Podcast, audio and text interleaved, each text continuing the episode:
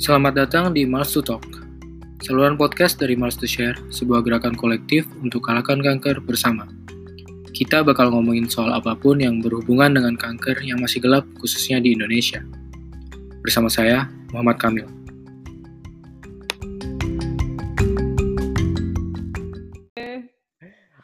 Halo, Assalamualaikum warahmatullahi wabarakatuh. Uh, pand Waalaikumsalam. Ah, pandemi Mas to Talk. Mas to Talk episode ke Mas to share kali, Mas.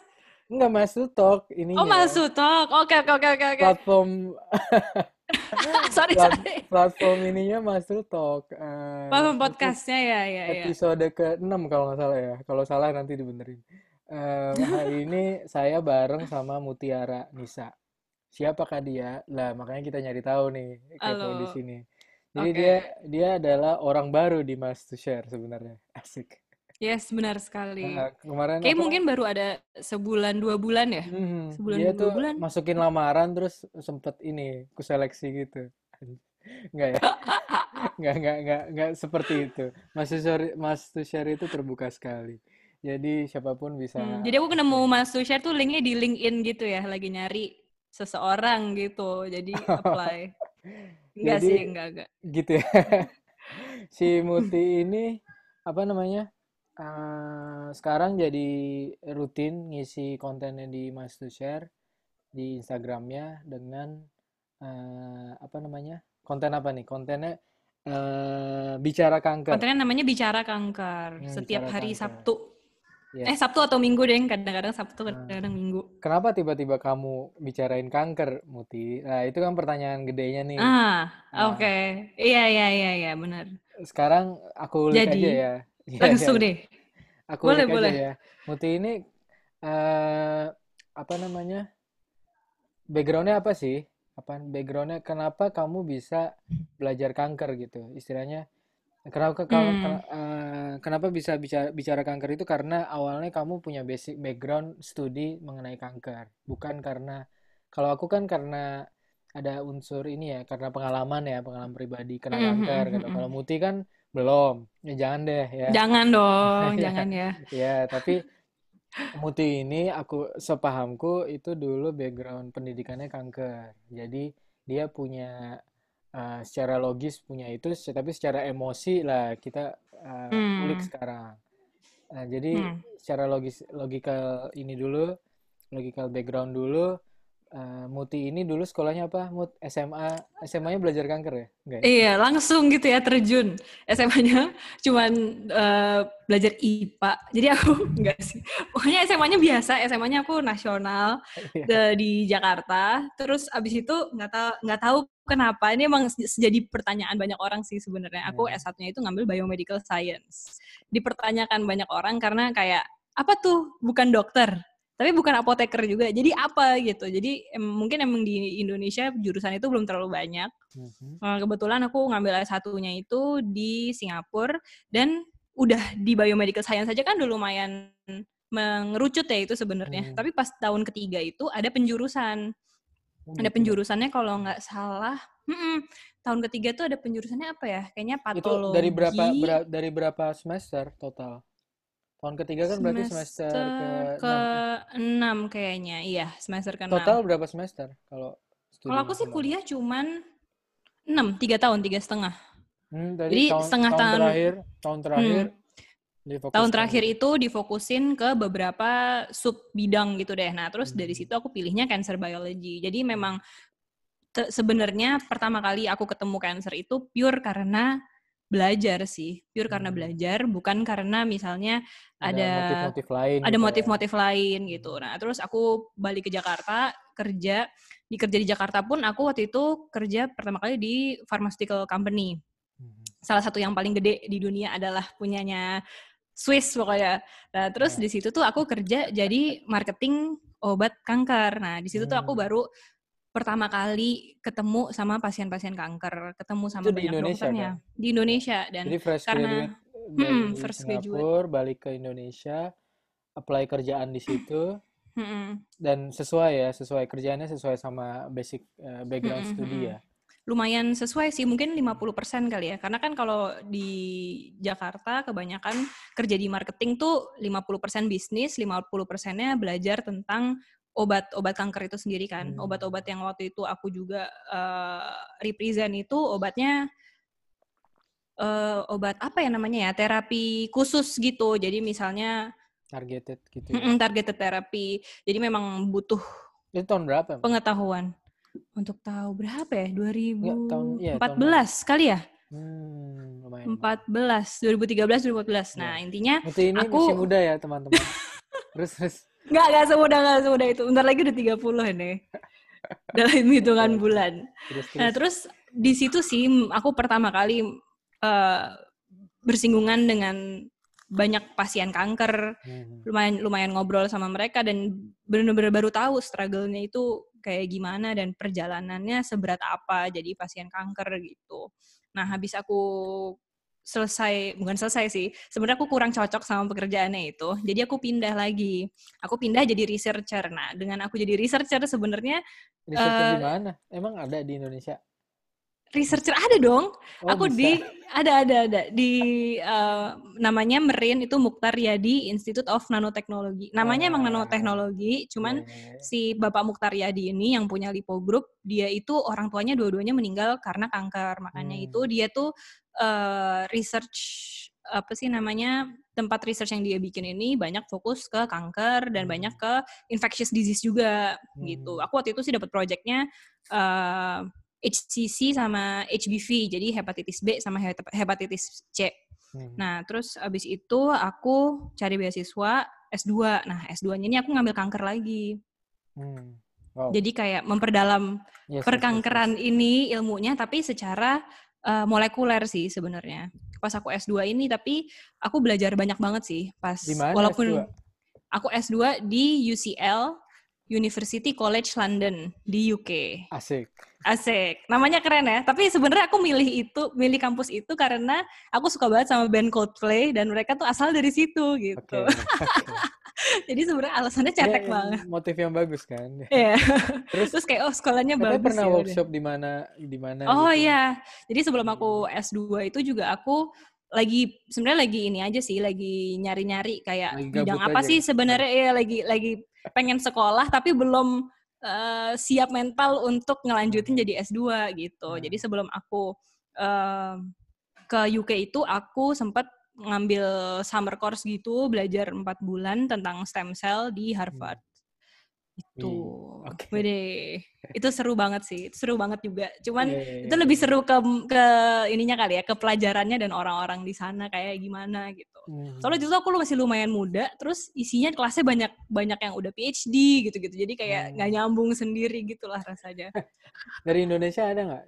Sering ada atau pas itu uh, ada? Atau... Pas pas tahun itu ada dua orang orang Indonesia. Hmm tapi beda beda kelas sama aku sih. Oh, iya. Aku juga taunya gara-gara nggak sengaja ketemu di, gitu. Uh, belajar di mana di Singapura tuh universitas hmm. apa tadi? Pas aku Belum di Singapura itu aku uh, kampusnya namanya MDIS, jadi itu MDIS itu ada orang Indonesia di biomedis. Ada ada. Eh oh, ada. enggak enggak enggak ada enggak ada. Oh, jadi ada. MDIS itu terkenal tempat kuliahnya anak-anaknya Pak Jokowi. oh oke. Okay. Tapi bio, iya, nah. biomedical science nggak ada ya orang Indonesia? Nggak ada, nggak ada. Emang kayaknya dari dari dulu tuh jarang banget sih orang biomedical science. Aku nggak pernah sekelas sama orang Indonesia kayaknya. S1, S2. S2 juga ya nggak ada course, ya? nggak ada. Tapi gak ada. di Londonnya banyak ya orang Indonesia? Di Londonnya banyak banget. Di Londonnya banyak banget. Jurusan lain pun banyak. Yes, Neuroscience yes. banyak orang Indonesia. Terus biomedical science biasa banyak. Cuman kalau hmm. cancer sendiri nggak ada gitu. Ya, ya, ya, ya. Jadi hmm. ini uh, satu apa namanya satu kesimpulan dikit ya bahwa iya. sebenarnya anak-anak muda itu banyak uh, belajar-belajar yang kayak gini-gini di luar. Di Indonesia, menurutmu di Indonesia ada nggak sih pendidikan yang ngarah ke pengetahuan tentang kanker? Uh, ada kampusku yang aku ngajar sekarang. Hmm. Jadi kampusku yang aku ngajar sekarang itu di Jakarta Utara, ya Jakarta Utara, namanya I3L Indonesian Institute of uh, Life Science Hmm, wow. Indonesian International baru Institute of Life Science. Lama? Baru baru. Jadi angkatannya itu yang lulus kayaknya baru dua tahun deh kalau nggak salah. Ah, Jadi gitu. mereka mungkin sekarang tahun ke enam apa tahun kelima gitu. Dan kalau itu juga sama sendiri Sama kayak S1 aku juga. Jadi dia tahun ketiganya ada spesialisasi khusus cancer kalau biology. kalau se Indonesia kira-kira Mm-mm. misalnya Universitas UI lah apa Ha. yang yang tinggi-tinggi lah misalnya Mhm. ITB, U- UNER gitu-gitu ada nggak sih yang yang eh, subjeknya subjeknya ini gitu? Nah, itu aku kurang tahu. Mung- kemungkinan sih mereka ada kali ya satu semester belajar satu modul namanya cancer Hmm. biology gitu. Karena itu Tapi kan bukan sebenarnya eh, tapi tapi bukan bukan jurusannya khusus jurusan. gitu. Nah, kamu sekarang jurusan Ha. khusus ya dan kamu juga ngambil jurusan khusus. Oh, I see. Jadi emang Jadi kayak super spesifik. secara kurikulum di Ha. Indonesia memang belum umum ya soal Iya, kanker ini. ha, ha. Ya nggak sih? Belum umum ya. Jadi kalau misalnya mau mendalami kanker, teman-teman yang dengerin ya, apa namanya? eh, yang muda-muda misalnya mendalami kanker ya sebenarnya idealnya sih sekarang ngambilnya di luar ya. Di Indonesia Hmm. kurang kurang nggak Iya, sih? benar Kurang ya. Kurang juga kurang sih, kurang aku kurang juga kurang menilainya kurang. gitu sih, kurang kurang kurang ini kurikulumnya eh, mungkin kurang kurang gede, kurang spesifik, jadinya kayak disumpel-sumpelin aja kan, ya nggak sih? Iya, benar benar Kayak benar. di biologi ada modul kanker, kanker, Mm-mm, di apa kedokteran ada modul kanker, Ada kanker. nah gitu-gitu kan, bukan Jadi bukan spesifik ke situ enggak. Yes. Dan kalau aku lihat juga di Indonesia mungkin masih caplok-caplok gitu loh Mas. Jadi belum eh, dibikin jadi sebuah integrated system Hmm. masalah kanker gitu. Soalnya kalau misalnya di pas aku S2 itu yang aku diajarin bahwa Hmm. kanker itu adalah sebuah eh, ilmu yang kita harus approach dari multidisciplinary Yes, gitu. setuju banget. Nggak, ya. nggak, nggak cuman kayak misalnya ngelihat dari biologinya dari Nggak sisi cuma A dari aja, sisi berdasar nggak bisa dari ke, gitu enggak ya. Jadi semuanya itu benar-benar blended banget dan itu bercampur dan makanya yang ngebuat menurut aku riset di luar negeri tentang kanker tuh sangat amat serius dan jauh lebih maju ya dibanding di Indonesia gitu. Karena mereka concern soal itu satu identifikasi Hmm. masalah mereka tuh itu prioritas. Jadi kanker adalah masuk ke prioritasnya kan. Prioritas visi misi dari ini ya framework dari pemerintahnya misalnya. Iya benar. Terus jadinya dibikin satu eh, satu banyak institusi yang benar-benar apa, Fokus fokus gitu. ke Mm-mm. dari sisi psikologisnya, Iya banget. pengobatannya, perawatnya, macam-macam Clinical kan. trialnya, paliatifnya yes, gitu. yes, yes. Heeh. Yang aku lihat sih gitu soalnya ya di negara maju terutama negara Mm-mm. yang high income ya. Kalau Iya benar-benar. middle income India kayaknya udah. Eh, ya kan India Cina tuh udah menurut setahu Kalau mereka berdua ya. searching eh, university yang ada fakultasnya gitu fakultas yang Heeh. bio apa bio apa yang cancer cancer itu banyak banget dari India dan Cina gitu mereka Negara-negara yang scientific sih mas kayaknya udah Yes. Nah, udah lumayan maju. udah nyadar ya kalau Hmm. Indonesia kayaknya belum ya Mut ya aku kesimpulannya Belum begitu sih, belum belum belum. Belum masih di- masih panjang kayak masih jauh sih untuk di setup ininya. yes yes yes dan itu ke depan moga-moga ya dan emang butuh ya Mut ya soalnya Butuh butuh. Sebenarnya kalau kita ngelihat dari jumlah orang yang terkena kanker aja, betapa berat sebenarnya kan kanker hmm, itu.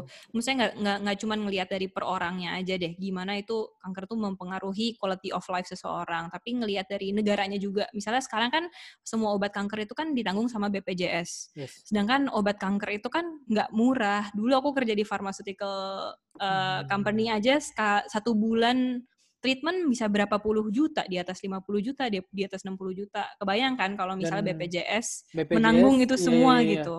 Eh, 2018 yang aku terakhir lihat itu ranking 2 itu naik Kanker ya. naik drastis jadi misalnya BPJS itu kan 2014an ya baru ada datanya yang bisa Mm-mm, diakses mm-mm. itu tuh kanker nomor sekian ya atas tuh kayak jantung koroner itu dari dunia Iya, sama ya metabolic eh, syndrome terus ka, ab- ab- gagal ginjal yang kronis kronis abis itu diikutin Mm-mm, yang kronis kan kronis tapi yang jelas gagal ginjal yang hemodialisis Mm-mm, tinggi terus penyakit infeksius lain aku lupa ya apa.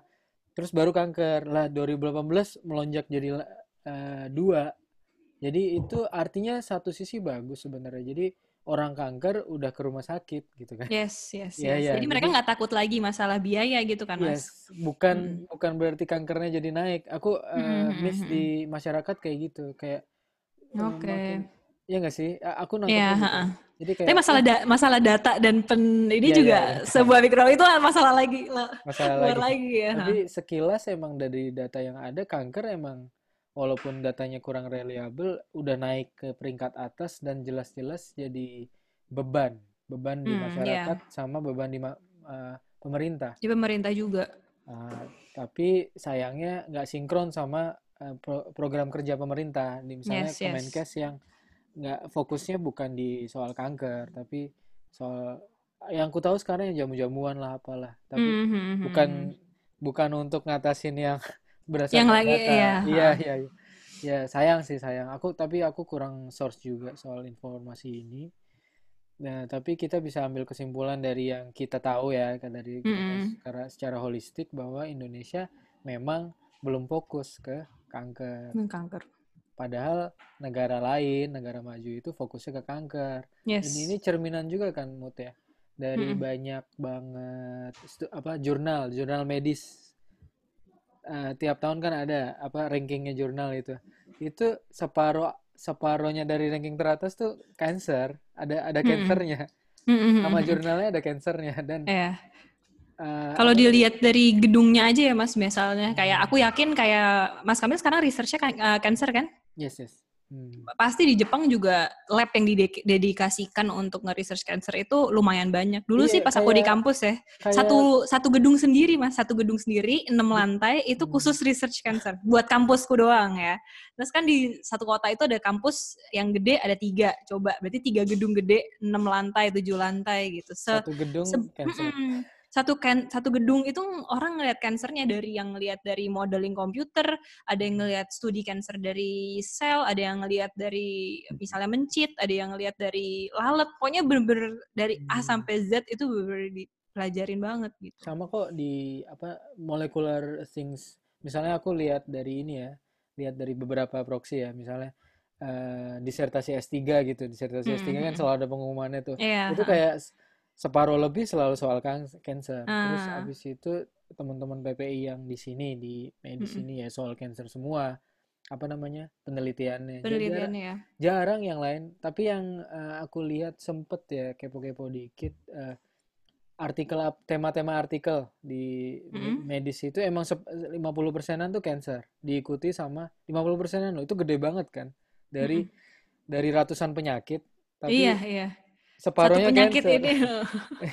cancer secara umum ya misalnya dari Mm-mm. sisi macam-macam itu dibahas separuh sendiri di semua riset eh, kedokteran jadi kita bisa harusnya tahu kan bisa eh, refleksi bahwa cancer ini emang masalah masalah yang belum Mm. terpecahkan Iya. bahkan tapi emang eh, progresnya tinggi banget progresnya jadi kayak setiap eh, penyakit cancer itu penemuan-penemuannya itu kayak satu Imunoterapi sih ya dekade Mas yang paling seru banget sekarang yes yes akhir-akhir yes ini. dua dekade tiga dekade tuh orang cancer A misalnya di tahun 70-an dengan cancer A sekarang tuh lebih bisa hidup lama itu udah Iya, signifikan ha. banget ada beberapa cancer yang emang belum belum maju tapi sebagian besar cancer itu udah mengalami kemajuan Hmm. dalam pengobatannya walaupun nggak bisa 100% eh, Mm-mm. ngasih jawaban ya soalnya Hmm. masih masih banyak banget tambah luas kan ya kan Iya, iya. Apalagi kalau misalnya kita ingat bahwa kanker itu terdiri dari beratus-ratus penyakit gitu. Nggak cuma kanker iya satu orang sama yang lain sama aja. Kan- Kanker paru aja satu sama orang lain tuh beda banget iya gitu. iya iya Makanya iya ini apa ya? Reward banget sebenarnya benangnya penelitian yes. kanker ini karena banyak banget yang harus diurutin satu-satu, banyak banget yang harus iya. diteliti dan memang sebenarnya kita butuh sebanyak itu riset ya, Mas ya, buat yes yes yes. buat bener-bener nge-solve gitu. Karena polanya pun kayaknya angka cancer tuh ke depan akan terus naik karena ya Hmm. gaya hidup itu, karena orang banyak yang tinggal di kota dan lain-lain juga. Dan aku rasa ada teori bahwa bilang eh, cancer itu lebih banyak karena angka harapan hidupnya lebih panjang orang Iya, benar-benar. manusia. Itu penya- penyakit yang timbul karena aging kan, karena aging, karena ya ya usia ya. gitu. Jadi soalnya akumulasi dari penyebab cancer yaitu mutasi itu Hmm. Eh, apa seiring dengan umur kan, dengan angka harapan hidup manusia ini tambah panjang karena pola hidup juga. Jadi Iya, ini benar-benar. sebenarnya lingkaran apa ya? Iya. Jadi karena Penyebabnya aja multifaktorial, kayak iya ada ya genetiknya, ada lingkungannya, ada usianya, ada apa, ada dan apa, ada apa. Jadi so- banyak pro- solusinya tuh juga iya seribet itu gitu. dan banyak Banyak banget yang faktornya. udah kejawab misalnya di prevensi bisa infeksi udah udah pada dikontrol bisa Mm-mm. jadinya harapan hidupnya manusia tambah panjang kan dari Iya. zaman mungkin tiga dekade lalu rata-rata hidup manusia eh, kalau di overall aku nggak tahu ya tapi kira-kira 70-an sekarang kan bisa 80-an gitu Hmm. nah 10 tahun beda ini tuh cancer, Karena apa? iya sebelum badan ini bisa menimbulkan cancer ya nggak sih? iya, benar, benar, Soalnya benar. akumulasi mutasinya di situ. Mm-mm. Jadi ini emang cancer itu adalah penyakit yang eh, hasil dari peradaban juga ya, peradaban maju ha. ini. Dan tambah ke sini tambah jelas juga eh, di misalnya di Indonesia eh, refleksinya di negara-negara berkembang yang dulu seolah-olah orang meninggal nggak tahu kenapa penyakit gitu doang ya. Hmm. Sekarang ketahuan karena bisa akses ke eh, Iya, ke tempat diagnosis gitu-gitu ya.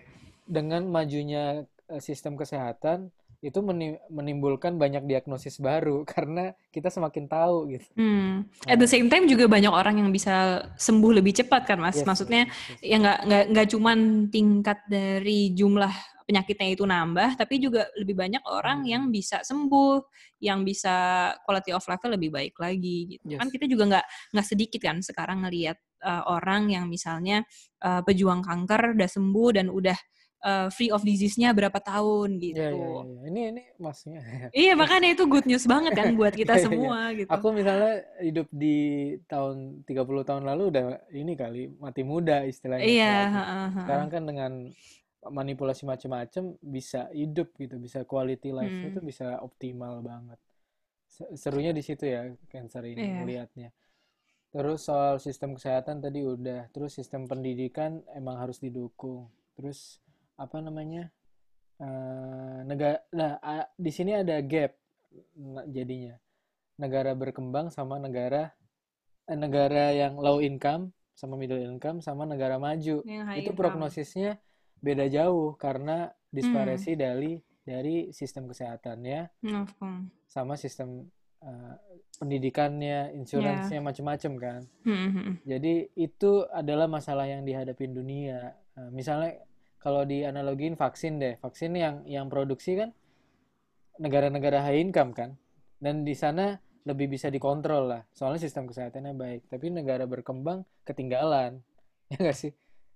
Apa namanya? Kan- kanker, kanker juga kayak gitu. hmm, hmm, Nanti misalnya ditemukan obat-obat ini ya clinical Hmm. trial ya bukan di negara berkembang kan, apa di Iya, bukan kita yang juga dicoba gitu. ya Misalnya ya kayak ya. clinical trial itu kan biasanya terjadinya di negara-negara yang udah maju. Jadi Hmm. mereka sebenarnya punya akses lebih baik juga. Terus pas Yes. aku di UK mas yang aku berkesan banget karena mereka kan ada sistem kesehatannya NHS. Jadi kita bayar ke Hmm. pemerintah, terus itu free healthcare lah basically. Iya, Nah mereka itu bagus. screeningnya Hmm. bagus banget loh. Hmm.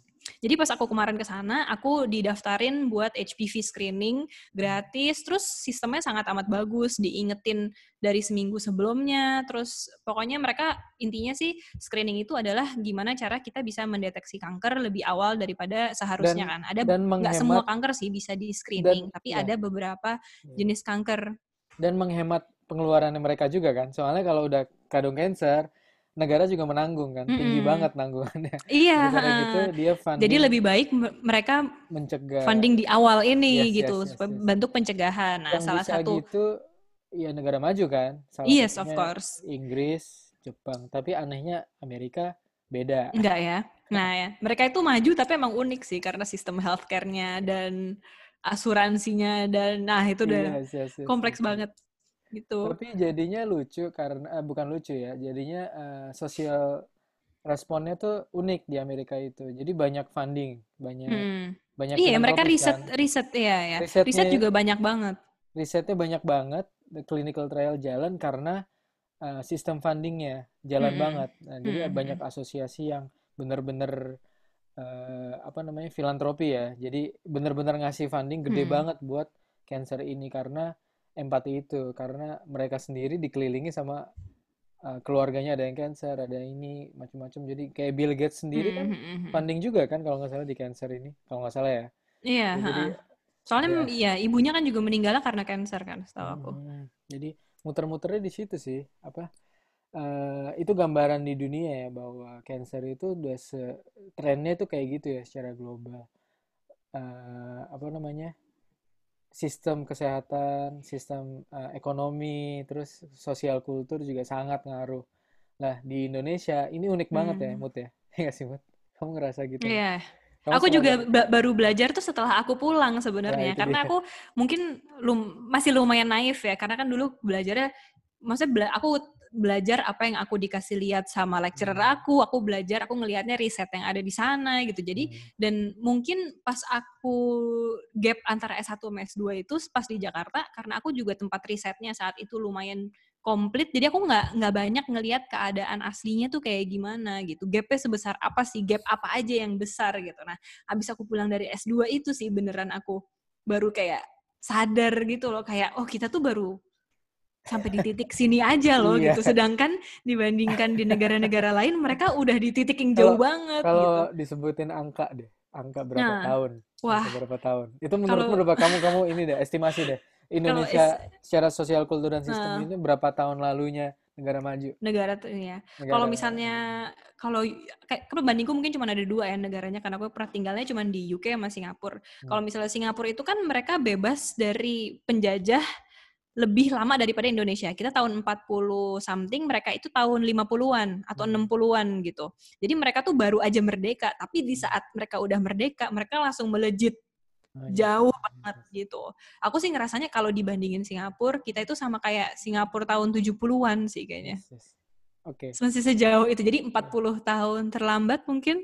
oke. Kalau di UK susah kali ya karena mereka kan dari dulu emang udah maju Iya, iya, secara iya, iya, iya. secara, Dari secara dulu. ilmu, secara riset gitu udah udah dari dulu ya dia yang menjajah gitu kan. Hmm. Tapi kalau misalnya dibandingkan Singapura menurut aku mungkin 30 tahun sampai 40 tahun terlambat gitu sih. Jadi UK mungkin nggak bisa dibandingin Heeh. juga, tapi kayaknya lebih dari 40 tahun ya. Ya udah Iya kira-kira sih, seperti kalau dibandingin sama yang dua Jadi, itu.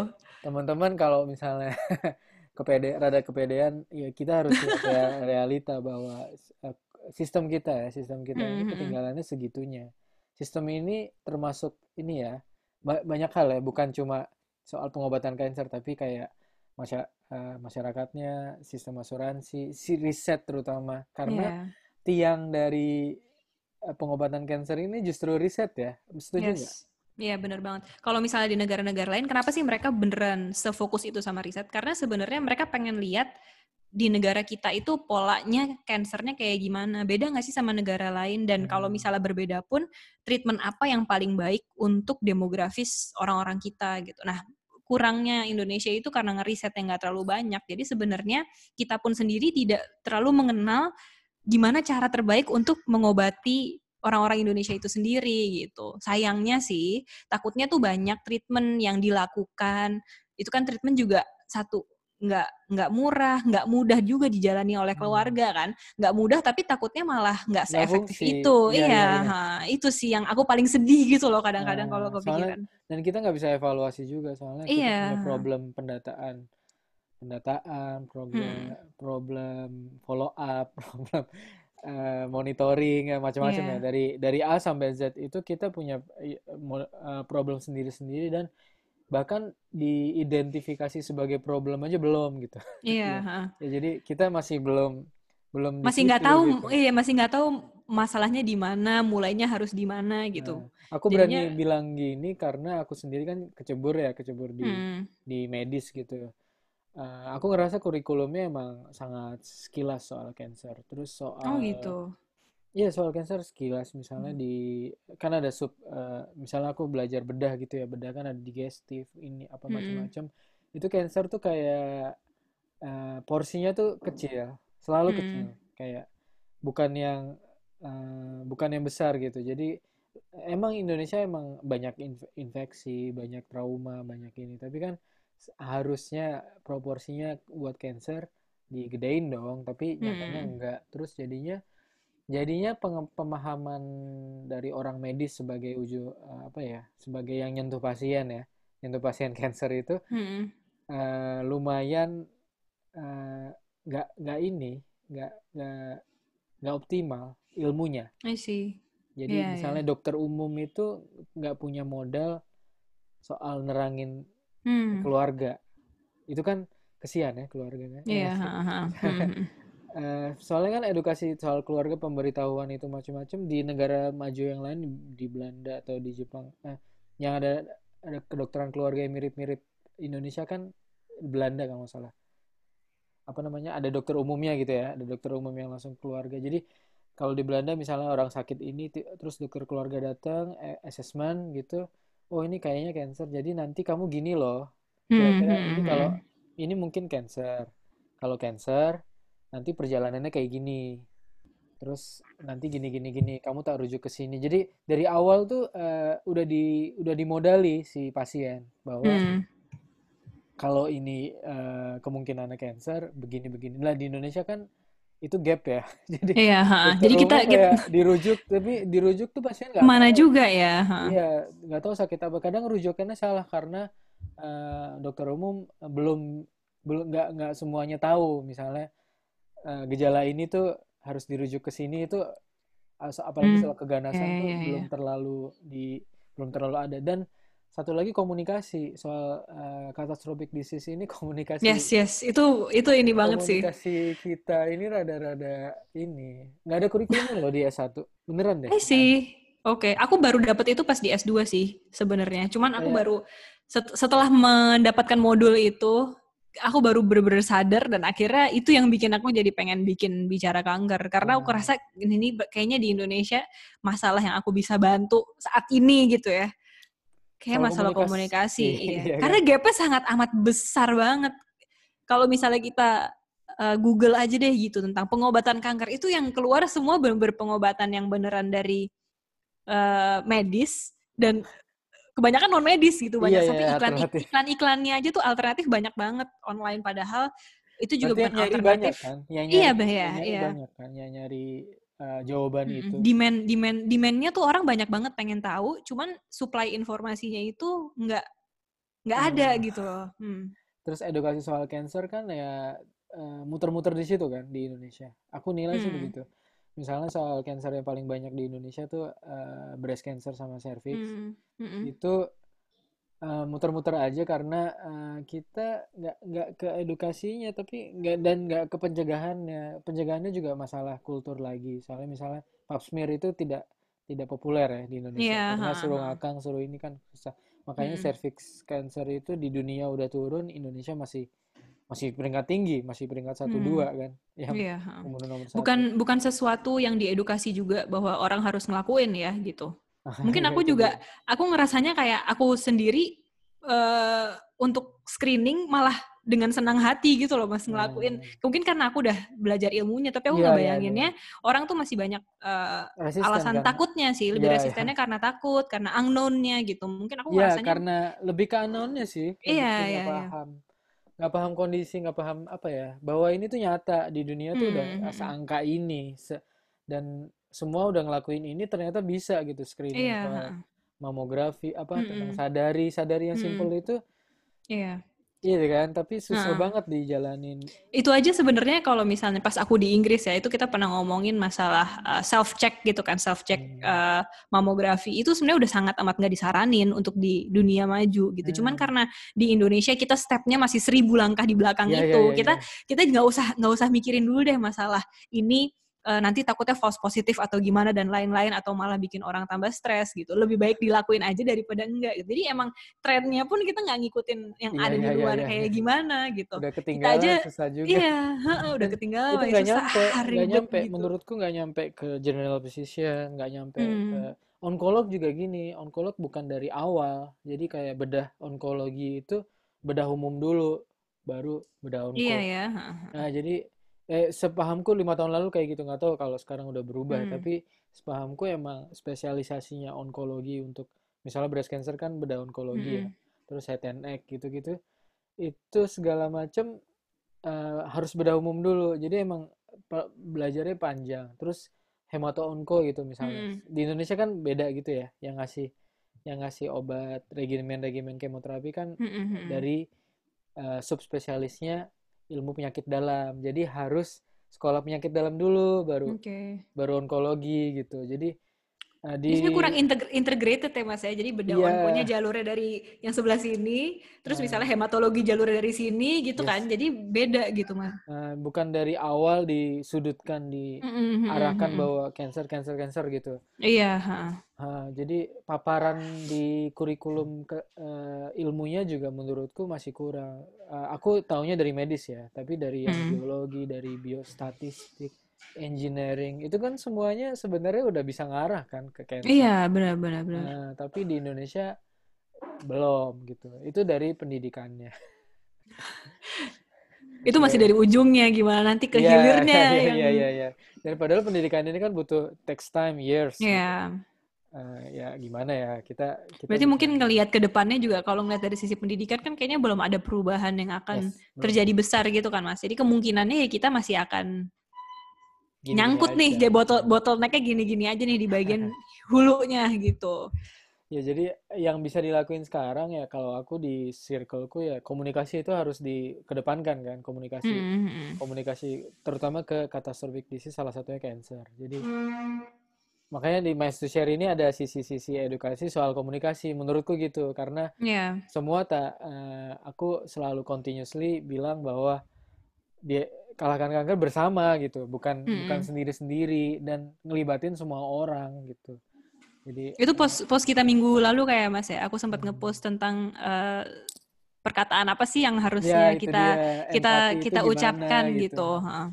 soalnya di Indonesia kan tahu kan kamu salah Iya, satu iya, eh, iya. posmu itu juga ini kan kayak kalau datang tuh bawa obat kan keluarga Mm-mm, bukan mm-mm, mm-mm. itu nggak butuh kan jadi kayak misalnya sakit kanker ya Mm-mm. kalau datang keluar wah ini kalau nggak nyambung kan bawanya ini Iya, daun benar-benar. ini Buat saudaraku di kamu. buat kamu bisa nih udah Nanti kamu didoain rebus gitu udah Iya. didoain, ntar kamu rebus, kamu aduk berapa kali, tambahin ini. bukan itu yang dibutuhin kan Iya, sebenarnya. heeh. tapi Indonesia ya itu niatnya baik banget cuma perlu diarahin aja kan pem- pemahaman soal empati terutama Mm-mm, mm-mm. itu nggak nggak ditumbuhin bahkan dari pendidikannya terus jadinya kan keluarannya secara kecerdasan emosionalnya nggak dapet kan si Iya, iya, si iya. dokter-dokter perawat macam-macam Mm, mm, mm. kecuali yang udah lama misalnya perawat di bangsal kemo udah lima tahun Udah gitu. hafal Wah, banget udah gitu hafal ya. banget itu pasti ngerti banget tapi alangkah baiknya kalau ditarik ulur lagi dari pendidikan ya kan ya nggak sih Mm. pendidikannya dibikin eh, prioritas dibikin prioritas untuk penyakit-penyakit dan cancer ini dimasukin ke prioritasnya dan ditunjukin dari awal bahwa cancer ini bukan soal penyakit dan ini terus meninggal cepat gitu. Mm, bukan mm, tapi bisa dibenerin sebenarnya dengan riset dengan macam-macam oke pendidikan udah. Jadi background pendidikanmu arah sana ya Mute? Iya, ha-ha. jadi makanya udah udah jalannya aja sih ketemu Mas Kamil dan gabung sama Mas to share gitu. iya. Si Muti ini dulu bicara kanker sebenarnya pengen sendiri ya Mut ya? Cuma Mm. Cuma apa nggak susah ya jalanin medsos Iya, ya iya, iya, iya. Jadi aku, susah susah. Jadi aku tuh waktu itu dapat epifany-nya pas lagi eh, selesai S2. Aku jadi abis udah selesai terus nungguin pulang kan suamiku sempat kerja dulu di Hmm. eh, UK. Jadi sambil menunggu dia kerja, aku bengong-bengong mikir kayak di Jakarta tuh butuh apa sih di Indonesia tuh butuh apa sih? Apa yang bisa aku lakuin sendiri supaya eh, paling nggak ngebantu in some ways gitu deh. Soalnya kadang aku ngerasa juga kayak karena problemnya itu sangat amat besar, oke lah aku riset, oke lah aku nge- nge- nge- ngelakuin suatu penelitian, tapi kan itu efeknya masih nggak langsung gitu, nggak direct. Hmm. Gimana caranya bisa lebih direct? Nah, aku tuh kemarin sempat mikirnya bikin eh, bicara kanker sendiri dengan niat eh, untuk komunikasi itu nge-bridge Hmm, informasi Bridging, information ya. gap yang ada di Indonesia gitu. Dan ini sebenarnya bukan hal yang baru ya. Maksudnya di di, di negara-negara lain ini semua sistemnya tuh udah sangat amat jelas sudah Iya, iya, ada iya. gitu. Informasinya tuh sangat amat highly accessible. Nah waktu itu tuh pengennya bikin bicara kanker se eh, mudah diakses itu gitu. Jadi ada websitenya ada social medianya lah Oh, tapi praktek ada ada ada. Aku aku jadi website aku udah beli beli. domain gitu. Udah udah. Aku udah beli domain desainnya udah ada. Terus pas ngejalaninnya ternyata nggak semudah iya ekspektasiku gitu. Sama sama. Di Mas to Share ini juga eh, menurutku udah hampir tiga tahun ya ini udah tahun ketiga Mhm. jalan. Dari 2018 akhir itu ya ya itu. Maintenance ini paling susah. Iya, iya, iya, iya, ini. Kan kebetulan ada Jumat Kanker yang interaksi tiap Jumat itu itu moodku sendiri juga naik turun kayak gitu Hmm, lah hmm, hmm, maintenance-nya. Terus postingan yang soal cerita kanker juga kadang ada cerita kadang enggak. Tapi alhamdulillah sih dengan ada campaign-campaign itu eh, walaupun masih random dan gak rapi kita bisa continue sih. Lah makanya aku senang banget ketemu Muti kebetulan kan. Apa namanya Fir- eh, temanku saudaranya temanku Muti. Terus eh Iya ya, si Muti ini back- background studinya cocok, terus dia juga punya bicara kanker, kenapa nggak disatuin kan? Makanya Mm-mm. alhamdulillah kita akhirnya launch asik. Yes, itu akhirnya se- sebenarnya aku senangnya karena jadi semangat lagi sih. Kayak Iya itu kan iya pro- iya. project sempet ku diemin lama karena aku Banyak lumayan kewalahan. lain. Ya. Nah, ada kerjaan lain juga gitu. Jadi kewalahan ngurusnya jadi ya udah Hmm, diistirahatkan dulu gitu. Tapi sekarang jadi hidup lagi, bangkit kembali lagi. Dan enak ya misalnya setiap Sabtu ada yang ngingetin kan? Iya, iya, iya. Jadi sebenarnya karena eh, Mas Kamil ngisi satu eh, kolom, aku juga ngisi hal lain, jadi lebih jadi penyemangat Ker- juga kan, Mas. iya Kayak iya kalau iya misalnya iya. yang satu males, jadi kayak oh ya nggak bisa males nih ditungguin soalnya Iya gitu. iya iya.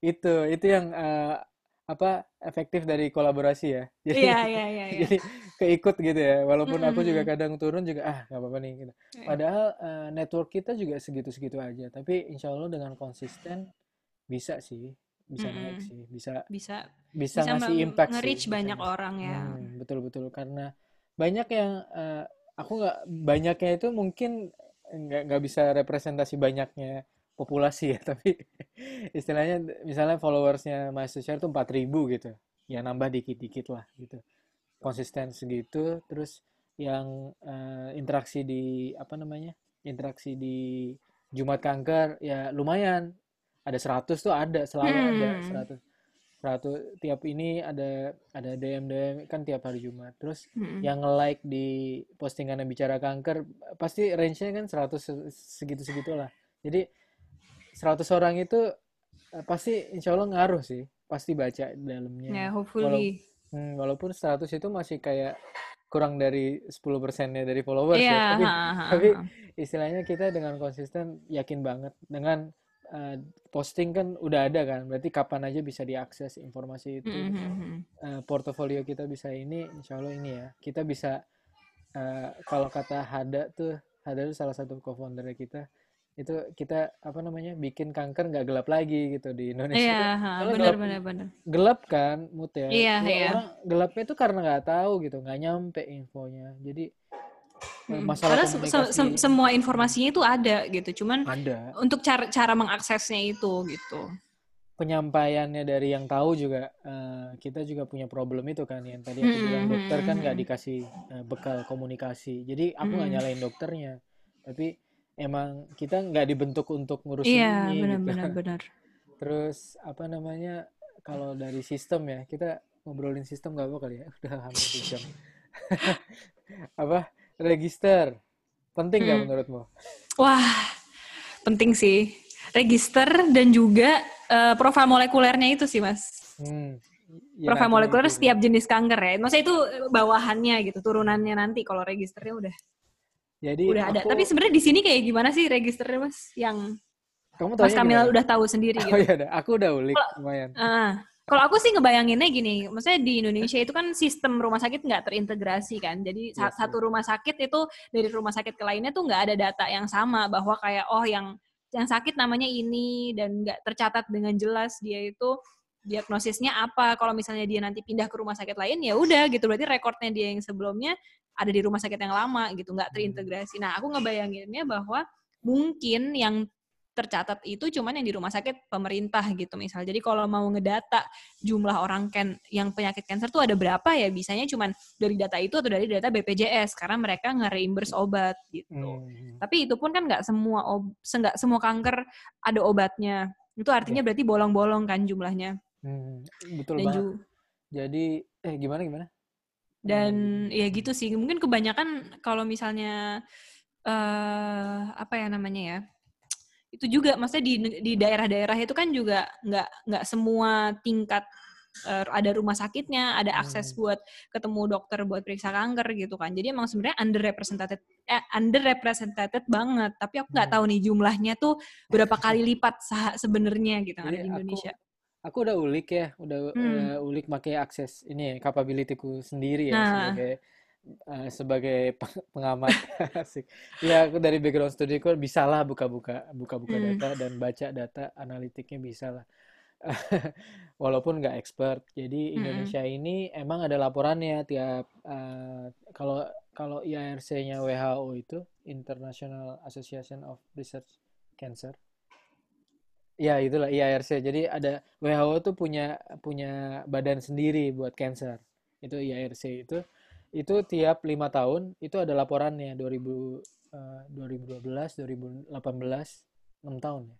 Ya, ada laporannya lima tahun ke belakang. Jadi tiap tahun itu cancer uh, berapa di semua negara dan Indonesia ada datanya. Lah aku ulik kan dari data itu kan bisa diakses. Itu dapat Mm-mm. dari mana gitu. Soalnya eh, kalau ditarik lagi Indonesia ini nggak ada data. Aku nggak bisa ngulik Iya. data. Eh, jadi eh, nggak nggak ada gitu istilahnya nggak. Kalaupun ada nggak di nggak bisa nggak dikasih aksesnya Nggak dipublish umum. gitu ya? nggak Hmm. dipublish. Jadi aku ulik lagi di Indonesia ya balik lagi di Indonesia itu yang terbaru ada data Riskesdas itu dari 2016 apa ya? Jadi ris- riset kesehatan nasional apa ya Riskesnas Hmm. apa Riskesdas ya apa ya Riskesdas deh mas. Kayaknya aku juga pernah bikin uh, konten tentang Hmm. uh, Jumlah di statistik di Indonesia. Indo- jumlah kanker di Indonesia dan itu gapnya susah. Kayaknya Riskesdas itu kayak 2015 sama 14 karena itu Iya. data yang aku punya juga. itu itu pun nggak nggak annually jadi kayak berapa tahun sekali Hmm. polanya nggak tahu jadi Iya. ha. kalau aku kalau aku curiga nih jadi itu terserah pemerintahnya gitu sekarang Lagi ada dana gitu. Oh ya lagi ada dana bikin. atau menterinya ganti gitu misalnya itu kayak Dan kalau nggak salah ya mas ya. bikin yuk gitu bukan Aku tuh bukan bukan sistem yang diatur Ah, eh, apa Dan eh, kalau nggak salah, aku tuh nemu data Riskesdas itu di majalah, di majalahnya eh, apa sih namanya ah, Kementerian Kesehatan gitu loh, mas. Jadi bukan yang kayak website memang sudah isinya database gitu. iya dan Seingetku nemunya pun kayak gitu. Jadi kayak orang tuh nyari harus di mana datanya gitu. ngulik Iya. dulu gitu. Jadi bukan Hmm. bukan informasi yang harusnya harusnya diulik secara gampang data datanya gitu. Nah, Indonesia ini emang miskin ini ya, miskin pemahaman soal data ini ya. Iya, iya. Penghargaan soal data. Jadi Riskesdas itu juga ada datanya untuk beberapa cancer ada gitu. Aku Mm-mm. kaget kan. Wah, dapat dari mana? Keren banget gitu. Nah, Mm-mm. tapi ki- tetap kan kita harus skeptis dan dapat. Iya dong, iya Terus dong.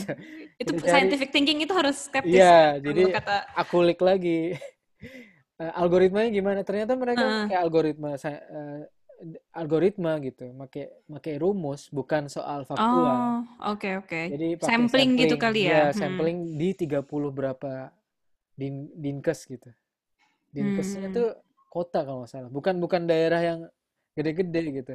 Kalau daerah gede-gede kita emang cuma 33 provinsi kan. Ini maksudnya Mm-mm. dinkes dinkes yang kota ini berapa ini eh, jadinya ini dihitung kalau populasinya dan itu berapa ribu sampel, cancer Hmm. berapa gitu-gitu loh. Aku aku detailnya iya tapi iya. jadinya dengan populasi 200 sekian juta ini padahal kan confounding faktornya gede, perancunya kan banyak banget kan. Kayak demografi di Jawa sama luar Jawa aja timpang banget ya kan. Mm-mm. Kayak kamu bilang tadi fasilitas kesehatan juga beda ya kan. Jumlah dokter juga bedanya jauh banget Hmm. gitu. Itu itu kan ngaruh kan.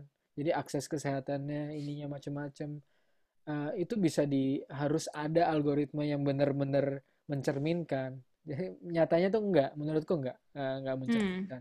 Terus aku ulik lagi, aku balik lagi ke WHO. WHO kok angkanya tuh rada beda sama Riskesdas.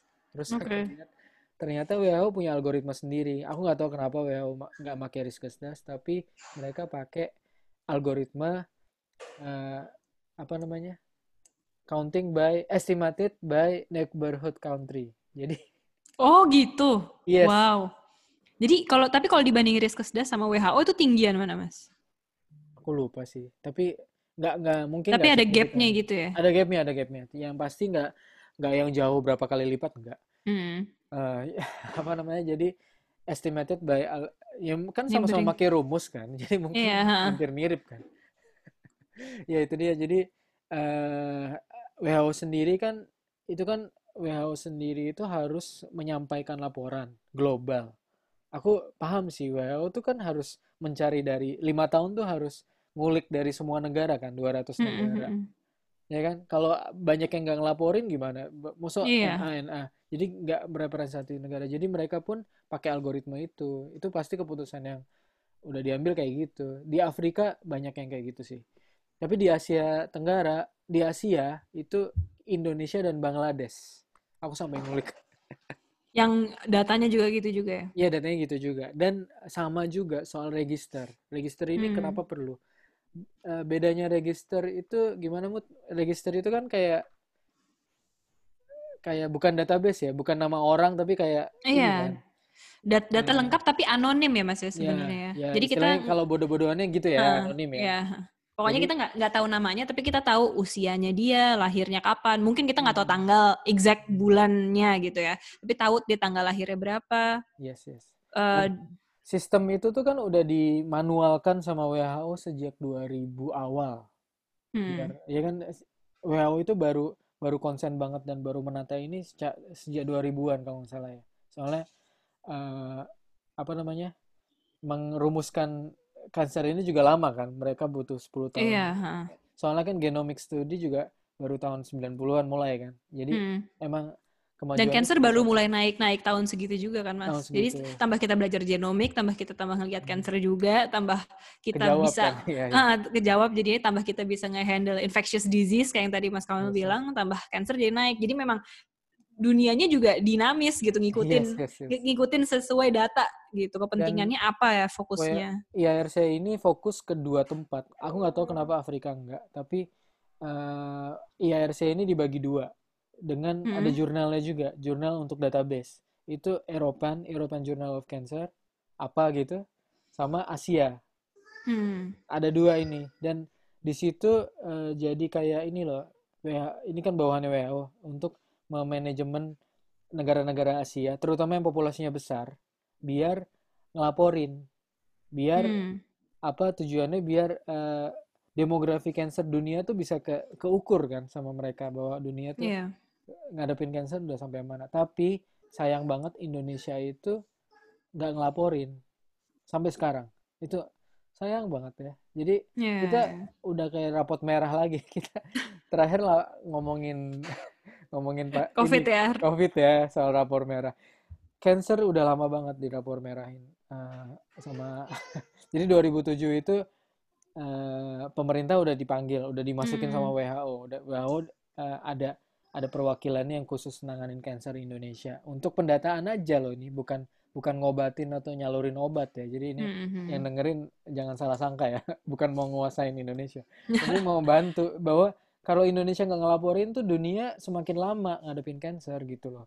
Bukan bukan soal obat menurutku gitu. Terus habis itu eh, 2007 itu ada beberapa Darmais dan beberapa rumah sakit bi- mau bikin register katanya.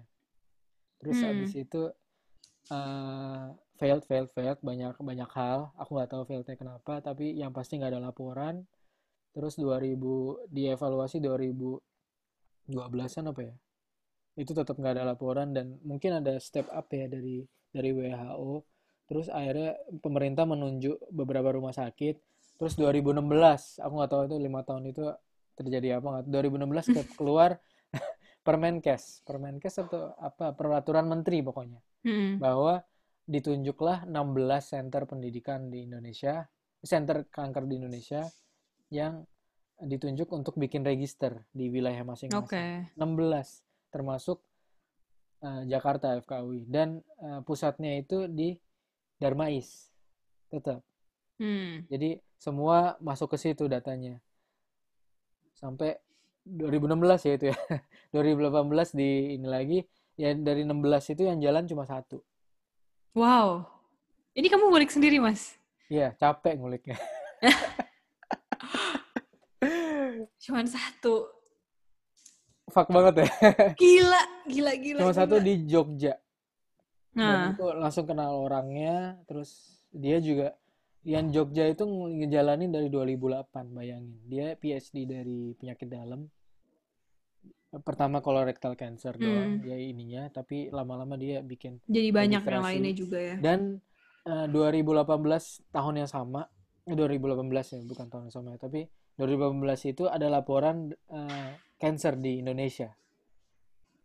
Bu, nggak tahu dari mana bahwa Ini makanya Jogja angkanya angka cancernya Iya, selalu itu tinggi dia. banget ya dibanding dibanding yes, daerah lain. aku mau ngomong itu bahwa Orang jadi langsung seuzon sama Jogja Yes, kan. Kayak ini. Jogja ada apanya nih kenapa kanker kansernya gede banget gitu. proporsi kasus aja, bukan proporsi Iya. penduduk ya, bukan log dari penduduknya ya, tapi dari kasusnya aja Jogja ini tertinggi di Indonesia. Aku nggak tahu angkanya lupa tapi Jogja ini tertinggi di Indonesia. Pas itu yang banyak beritanya adalah uh, Jogja ini kesehatannya ini pencegahannya nggak jalan bla bla bla gitu. Hmm. dinkesnya mungkin dimarahin gitu macam-macam. Hmm. tapi kita lihat dong. Ini bahwa emang yang ada da- datanya di Indonesia itu cuma Jogja makanya kelihatan tinggi gitu loh.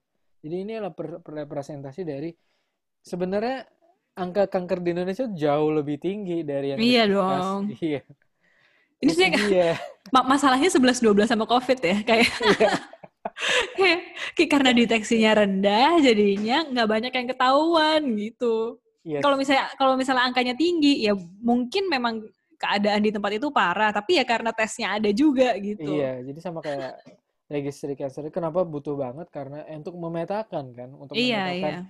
Kebijakan-kebijakan itu kan ambil dari situ kan sebenarnya dari register kan. Dan Hmm. eh, misalnya apa obat apa yang butuh dibeli BPJS banyak Iya, gitu. benar. Ya kan berdasarkan kasusnya kan, bukan berdasarkan tendernya menang mana. Iya. Murah mana obatnya terus dibeli kan enggak sama sekali gitu. Itu yang eh, jadi jadi apa namanya? eh, BPJS rugi banyak juga karena itu, karena Hmm. pendataan di Indonesia tuh busuk gitu. Aku berani bilang. Busuk jadinya BPJS itu manajemennya juga hancur, terutama soal eh, penyakit kronis yang eh, duitnya banyak kan di situ. Iya. Jadi di- belinya obat apa, yang kepake apa, butuhnya apa, Hmm. klaimnya gimana, wah ribet banget. Tapi mau penyakit orang Indonesia gitu kan mas, kayak buat sesuatu yang long term itu mereka sangat-sangat ogah-ogahan gitu. Padahal Bet- tahu mungkin ya, tahu in- mereka juga akan rugi lebih banyak. Tapi mereka emang nggak pengen Hmm. susah-susah dulu aja gitu. Pengennya ya udah yang gampang-gampang aja dilakuin gitu. Nggak pengen suffer di awal, tapi nanti di akhirnya bakalan baik-baik aja. Oke, jadi dan sekarang ini sih karena harus informasi jelas, pendidikan juga kebuka ya. Jadi yang muda-muda sih, yang muda-muda pada nyadar di Bedah Saraf sendiri kolegium satu dua tahun terakhir ini, satu dua tahun terakhir Hmm. ini ngomongin cancer. Akhirnya ngomongin gitu, cancer, ngomongin oke. glioblastoma gitu. Dan aku sendiri kan mulai kan, mulai belajar ini Hmm. dan eh, rada kaget karena yang belajar ini se-Indonesia aku doang gitu yang belajar molekuler base-nya pada 2016 itu WHO udah klasifikasi brain tumor itu berdasarkan molekuler molekuler eh, instead of only histopathology gitu. Tapi yang berdasarkan yang lirik ini itu baru aku dan dan satu lagi ada tapi dia juga eh, maksudnya masih general. Jadi eh, nggak masif kan. Jadi dari Iya. hampir 400 orang bedah saraf itu yang lirik ini itu baru padahal penyakit tumor ini adalah salah satu pasien bedah saraf yang terbanyak. Ini aku Iya. ambil dari contoh di bidangku ya. Hmm. Ah, Jadi prognosisnya orang cancer di Indonesia itu jauh lebih buruk dari di tempat lain. Itu udah sangat nyata ya. Iya, iya. Ya. Dan ini apa ya ke berkembangnya suatu bidang tuh beda-beda ya Mas di Indonesia. Hmm. Misalnya gini Mas, kamu kan dari bedah syaraf. Nah, kalau kanker di paru, kanker di payudara, nah itu juga perkembangannya beda sendiri gitu. Jadi mereka eh, Hmm. ada ada beberapa jenis kanker yang di Indonesia kayaknya lumayan jalan nih mol- tes molekulernya Iya, iya, gitu. iya. Karena misalnya pengobatannya meng-require tes Yes. molekuler gitu. Iya, Misalnya iya. buat breast cancer kan ada Ada HER2, HER2, ya ad- ya ya ya. ada IR, ada PR PR. gitu kan. Terus misalnya juga sekarang lung cancer kan non non non small lung ya ya ya. itu kan mereka juga udah harus ada Sama leukemia eh, juga berkembang molekuler. ya. Hmm. jadinya tuh di, di penyakit-penyakit tersebut yang ada obatnya. Nah, ini berarti requirement-nya requirement dari farmasinya sendiri kan, bukan Iya. dari eh, apa ya namanya? ilmu akademiknya Iya, gitu, iya, dari iya. sistemnya. Itu sih sedihnya itu karena Iya, gapnya banyak banget ya. Mut. ah, ah, ah. Itu berarti dari sistem ya, pendidikan udah, sistem udah. Terus apalagi Mut? Eh, paling gapnya paling tinggi ya, tadi ya, Hmm. kita berulang kali itu di pasiennya sendiri, di kulturalnya. Iya. Ya nggak sih? Iya ya. Dan kalau aku sih lebih ke uh, orang awamnya kali Mas ya, Nah, pencegahannya itu gitu. Jadi kayak kalau di keluarga aku sendiri juga mungkin kalau misal ditanya satu-satu tentang cancer tuh mereka masih ngerasanya eh penyakit yang tabu kali ya. Maksudnya hmm, karena mereka ngerasanya bahwa cancer itu udah bad news aja gitu.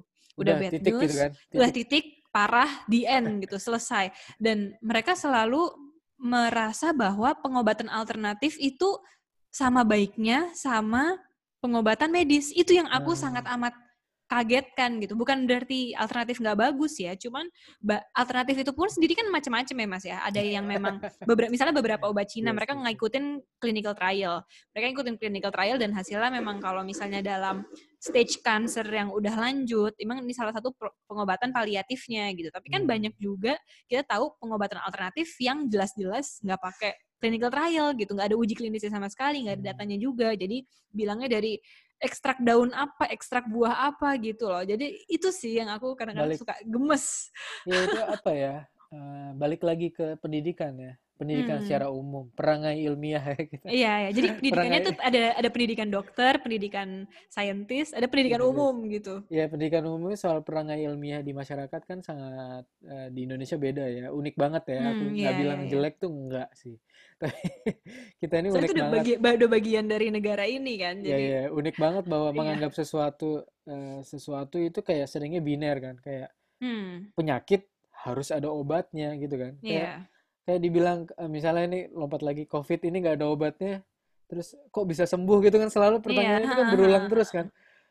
S- susah kan jelasin self-limiting disease ini Iya, susah iya, banget gitu. Apalagi soal cancer yang kompleks ini kan, kayak hmm. kok Selalu pertanyaannya kambuh? adalah, kok kok kok saya bisa kena? Alasannya apa gitu? Iya, Apakah iya, karena saya stres? Apakah karena waktu kecil saya sering makan Indomie gitu? Jadi kayak iya, harus selalu ada yang di blame-nya gitu. yes, Sedangkan itu kalau kalau cancer berarti susahnya ini ya me- menjelaskan bahwa ini adalah aging disease gitu. Tapi ntar Hmm. orang nanya lagi, lah itu Kamil kena kan masih muda Iya gitu. iya kayak gitu kayak kayak aduh rumit kok banyak anak kecil kena juga gitu. Apa Iya, karena dosa orang tuanya? Itu banyak banget di masyarakat banyak serius. banget. Iya kayak eh, anak anak cancer adalah akibat dari perbuatan. Iya iya nggak apa nggak bisa dicampur gitu sih ya Iya. harusnya. Mas Kamil tapi kalau misalnya dari eh, pengamalan Mas Kamil sendiri, kalau ditanya orang kayak gitu gimana? Lah kok bisa Mil kena gitu? Random acak apa semua ya circleku sih masih terima sih itu. Soalnya circleku ini eh, tahu bahwa aku eh, gaya hidupnya beda sendiri dari ini kok. Misalnya teman-temanku yang rokok, yang nggak ngerokok aku doang misalnya. Yang Hmm, olahraga rajin aku doang. Terus hmm. yang jaga bobo, jaga tidur, walaupun malam aku sering nggak bisa tidur karena overthinking ya. Tapi jaga tidur, Itu masalah kita ya. ya apa namanya? eh, itu juga aku sendiri. Jadi apa Hmm, ya? Mereka juga eh, kadang nggak jadi paham gitu. Kamil juga cancer juga bukan karena bukan karena dosa masa lalu. Jadi itu hmm. cerminan dari aku sih privilege-nya itu. Tapi aku nggak bayangin orang di sekelilingnya yang awam gitu. Iya, Misalnya iya. misalnya aku yang nggak ada, aku kan bisa jelasin dengan gampang lah itu. Tapi kalau Hmm, misalnya ada orang awam yang kena cancer, itu isinya kan malah stres, hmm, hmm. tabu, disimpan, apa ya, malu lah, dicerita-cerita malu, terus eh, resisten-resistensinya itu banyak banget ya di masyarakat itu. Nah, perangai ilmiah ini penting banget kan, soalnya eh, ya tadi alternatif-alternatif itu kenapa bisa merasuk banget ke teman-teman Hmm, ke awam di Indonesia secara ini di Jepang ada alternatif di Jerman hmm. ada ya kan di Iya, ha. mana-mana ada Cina tapi juga ada. Cina juga banyak banget cuma di Indonesia tuh kayak masif banget kan kayak Hmm. untuk cancer alternatif adalah di atas medis gitu Iya, itu iya, itu iya. kenyataan kan kenyataan proporsinya tuh udah disandingkan bersamaan gitu loh. Aku iya ngerasanya iya yang itu berbeda dengan negara itu lain kan gitu. karena Kalau itu kan bahwa penyakit ini harus ada obatnya jadi dibilang hmm. paliatif tuh nggak paling nggak terima keluarga Nah, itu soalnya ya aku nggak tahu ya itu mungkin penyampaiannya juga mungkin belum terlalu optimal dari dokternya jadi hmm. itu juga salah satu faktor kenapa pasien tidak ti- eh, percaya lebih percaya ke alternatif karena Ya. alternatif lebih bisa menjawab gitu lebih bisa mengkomunikasikan kan mungkin ya nggak sih apa Hmm, hmm, hmm. istilahnya eh, alternatif herbal misalnya wah lebih komunikatif walaupun kalau yang tahu isinya kosong gitu tapi Hmm. mereka bisa Apalagi selalu bisa menjamin bahwa ya tidak ada side effect gitu. Sedangkan kan kita tahu pengobatan medis untuk yes kanker itu kan semua side effect-nya berat gitu. Jadi iya orang juga mau ngejalaninnya, aduh gitu iya kayak iya iya sama aja kayak minum racun gitu loh. Jadi kayak racunnya ngebunuh kanker, tapi racunnya juga dan memberi efek mitologi sama dirinya dia gitu. mitologi-mitologi yang eh, susah dihapus juga kan. Walau nah sekali dua kali nggak cukup kan Mut ya untuk Iya, edukasi dan itu itu yang aku aku jalani di mahasiswa bahwa harus berulang kan bahwa Hmm. harus tiap minggu lah. Kalau kalau tiap hari aku capek aku juga punya hidup. Tiap saat tuh kita harus ngulang gitu. Jadi edukasi itu juga aku belajar banget bahwa semua tuh harus dilatih dan beru- berulang gitu konsisten. Hmm.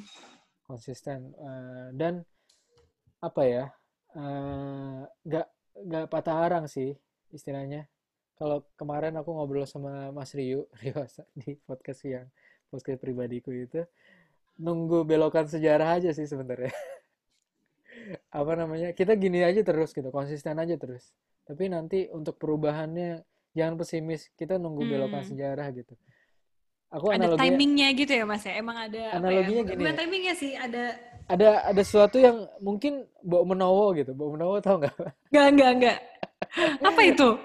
Jadi apa namanya Mbok Menowo tuh apa ya? Aku jadi susah. Jadi ini, ini analoginya gini aja deh. Napoleon eh, pas perang koalisi Napoleon ini ya sebelum re- habis Renaissance kan Prancis Itali Rusia itu kan kayak nyerang Inggris dan Jerman ya.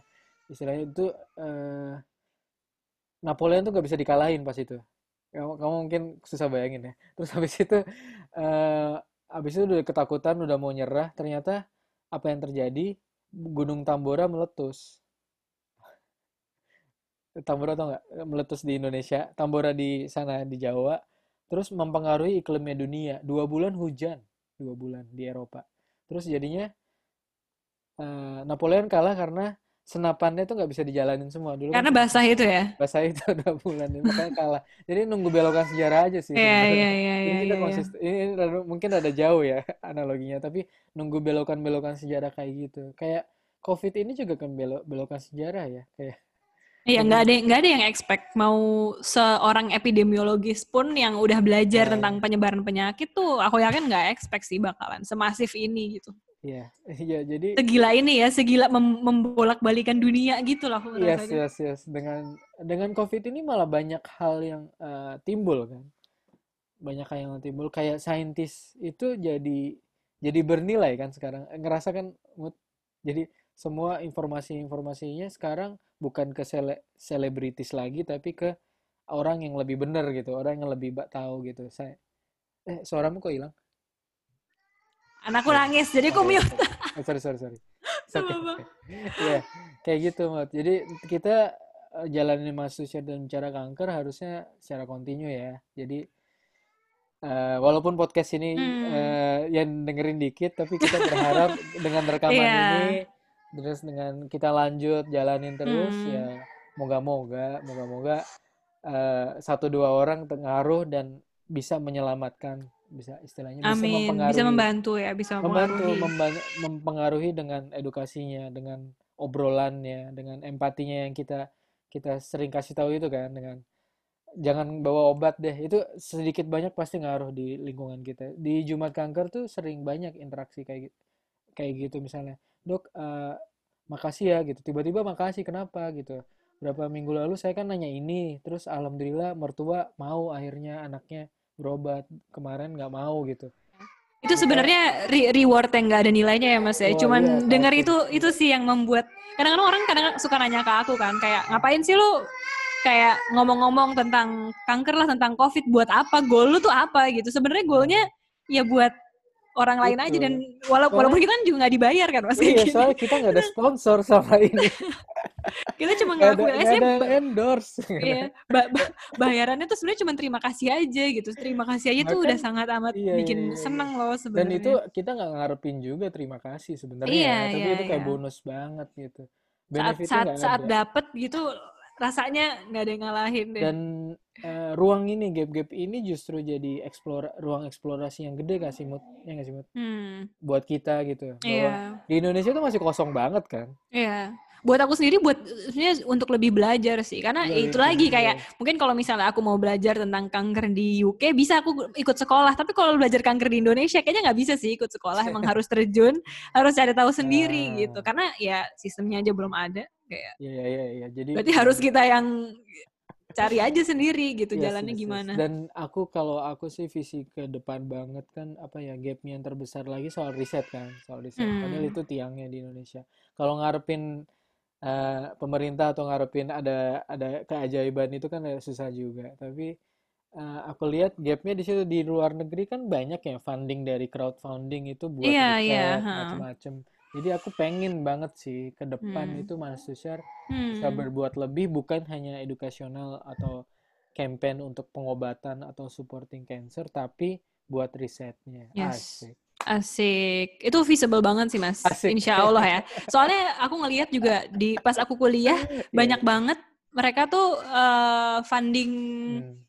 Apa sih namanya research itu dari misalnya ngejual barang-barang second hand gitu. Mereka emang Hmm. udah ada toko tokonya sendiri kan kayak cancer CRUK mereka namanya. yes, Yang yes, yes, yes. CRUK terus ada yang, kayak warnanya Red Cross ya, gitu. Itu. Ya, jadi mereka juga ngumpulin uangnya tuh dari segala macam, nggak cuma bergantung sama pemerintah, nggak cuma berg- bergantung Hmm. sama donatur-donatur gede gitu. jalan banget ya dan Iya, semua jalan-jalan masif banget. karena Mm-mm. mereka juga eh, bukan campaign selebrasi kan bukan Iya, campaign ha.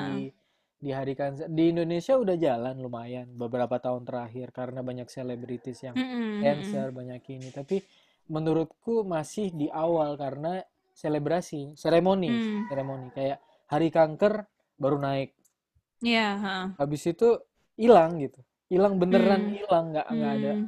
hari kanker itu kan kayak ayo semangat kalahkan kanker Iya, misalnya iya, ya iya, ada iya, beberapa ha. event lari atau event Hmm. event yang seremonial kayak apa hope for hope for hope apalah gitu Mm-mm. kan ya aku nggak ngejek mereka eh, jelek ya tapi maksudnya Hmm. itu itu tetap eh, Itu awal yang bagus sih awal sebenarnya tetap. bagus tapi kok annually banget gitu padahal Iya, orang iya. cancer itu hidupnya tuh nggak nyampe setahun ya paliatif ya itu istilahnya Iya. jadi eh, misalnya seremoninya Maret gitu, eh, Februari atau Maret gitu.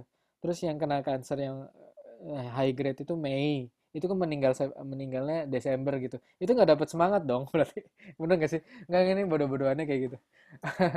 Jadi Jadi emang ev- eventnya harus sangat amat reguler sih. Aku juga kalau Iya, aku inget-inget betul. biasanya bukan big celebration sih yang aku sering lihat gitu. Jadi hmm, eh, kalau misalnya di kampusku dulu misalnya kayak setiap hari Jumat ada bake sale gitu. Hmm. Jadi kayak semuanya researcher-researcher tuh pada masak, pada bikin kue, terus oh kita jualin gitu. Bisa tuh Atau kalau misalnya lagi ada acara yang kayak Halloween atau Valentine gitu, kita bikin masakan terus kita taruh di rumah Hmm. sakit-rumah sakit yang care cancer gitu supaya mereka bisa ya celebrate kecil di rumah Dan sakit lagi kalau lagi kalau treatment mau gitu-gitu. nyalurin di Indonesia, sebenarnya aku juga lagi ngulik ya sama-sama teman-teman Mas Tushar bahwa yayasan tuh gimana sih gitu. Yayasan di Indonesia tuh modelnya kayak apa sih? Nah, iya Yayasan itu juga kayaknya menurut aku unik sih, beda dari negara-negara Yes, lain gitu. nah, dan yang Cara ya- di Indonesia yes, yayasannya nah, bekerja. yayasannya jadi komunitas itu kayak apa sih di Indonesia? Aku pengen identifikasi sih. So far sih susah digapai karena terlalu nggak nggak nggak ada yang nyatuin gitu. Kemarin ada KPKN, Komisi KNKP, Komisi Nasional Penanggulangan Kanker, KNPK. Eh nggak tahu lah, pokoknya ada kepanjangannya dari Kemenkes itu dibubarin. Oke. Ya sayang banget ya. itu sebenarnya mereka annual jadi tiap tahun tuh aku dapat informasi dari teman-teman di Pita Kuning bahwa mereka yang di Jakarta eh, dikumpulin yayasan tiap tahun gitu. Jadi ya suruh presentasi suruh ini. Bagus kan? Tapi emang pas itu evaluasinya belum ada follow up tapi Hmm. baru baru dua tahun apa ya? Jadi bener-bener deh di Indonesia ini gapnya gede banget parah. Itu yang kenapa Mas Share tuh ngotot banget nih ada gitu. Iya, iya, iya. dan walaupun susah banget ya aku di Jepang teman-teman juga nyebar. Tapi insya Allah kita ke depan pengen berbuat lebih dan mengeksplorasi ini apa eh, spot-spot yang kita kudu Yes. isi itu apa gitu Ya, Iya nggak sih? amin, amin, amin. walaupun nggak bisa langsung Nggak kita kan mungkin search langsung semuanya ya, langsung iyalah gap orang terisi gitu. Ya kita juga siapa sih gitu. kita juga siapa gitu bahkan dengan lari gitu lari itu nggak nyambung nggak nyambung kan Bud? Hmm, iya sih sebenarnya ya. Tapi bikin semangat aja mungkin dan ada ada alasan buat orang buat get together gitu loh. iya uniknya kayak London Marathon gitu kayak eh, eh, ini kan apa namanya untuk bisa lolos lolos di London Marathon tuh harus punya campaign loh Mut. Oh, Oke, aku baru Nah, tahu itu. harus punya campaign di Hmm, negaranya atau di tempatnya hmm. jadi London Marathon itu funding buat cancer terbesar di dunia sepahamku itu cancer exactly cancer not another disease gitu. Di Amerika juga eh, apa nama American Research Cancer Research ACR itu juga eh, funding funding buat di eh, sebagian besar acara lari di Amerika itu buat cancer. Jadi Hmm. lari itu udah jadi udah jadi tren juga di dunia bahwa Iya, itu bu- buat funding buat sesuatu, terutama buat cancer. Walaupun penyakit lain juga banyak juga yang funding juga. Jadi di Indonesia Hmm. perlu ditrenkan seperti itu. Soalnya Yes, yes. sebelum masuk syarada itu selalu pendidikan. Oh, aku nggak ituin pendidikan emang udah ada porsinya, emang penting banget di Indonesia, ya kan? Tapi cancer juga harus dikasih awareness dong. Iya dong. iya, iya. Emang Soalnya sebenarnya Indonesia perlu mencontoh banyak negara luar sih. Aku ngerasanya yes. negara luar pun mereka bukan berarti mereka udah perfect gitu ya. Mereka udah Hmm. baik sekali kondisinya enggak. Mereka aja sekarang yang ngelakuin hal sebanyak itu pun mereka ngerasanya tuh kita harus kasih lagi, kita harus lebih lagi, kita Iya, harus iya, lebih iya. lagi. Tapi emang patut dicontoh banget sih apa yang negara-negara lain lakukan. Hmm. Even nggak usah Hmm. jauh-jauh deh dari negara tetangga-tetangga kita aja. Yes, Itu yes, kan betul, juga betul. udah beda jauh ya Iya, Malaysia sama iya Malaysia sama Singapura tuh contoh Hmm. di ASEAN yang paling maju sih. Iya. Diikuti Vietnam, Filipina, Indonesia ya terendah. Ya kita harus ngakuin. Jadi kita dengan ketinggalannya ini kita bisa banget lihat contoh. Ya, Hmm. itu untungnya ya. Iya, itu Untung gitu sih. untung sih. Banyak-banyak contoh yang bisa diikutin. Nah, in- Nah, akhirnya mau ngikutin atau enggak gitu. Itu dia. Dan nggak karena nggak bisa eh, mengharapkan dari pemerintah ya kita jalan dulu lah. Mosok kita Hmm, iya. diem aja dan Apa dari nggak usah ngomel-ngomel sendiri juga gitu ya, Mas ya. Kayak ya udah yes kita lakuin apa yang kita bisa aja. ngomel juga tetap Sebisa butuh sih mungkin. biar Iya, iya. biar Harus awareness diimbangin tapi ya, iya iya diimbangin. iya betul betul ya insya Allah ya Ja- bicara kanker jalan terus ya Oke. oke kira-kira gimana ada tambahan mood kayaknya udah Ya satu sekitar setengah itu aja. asik Sementara ya, nanti kita kalau ada obrolan lagi kita akan yes ngobrol-ngobrol lagi. oke terima kasih Muti. Sama-sama, Eh, Mas. apa eh, sampai jumpa tiap pekan. Tiap jadi eh, bicara kanker itu selalu Muti eh, terus apa Jumat kanker ma- masih aku. Nanti mungkin Hmm. Muti ku Mungkin kita gantian ya. gantian atau gimana? Sekali-kali, ya. oke. Makasih semua. Dadah, aku thank akhirin you. ini ya recordingnya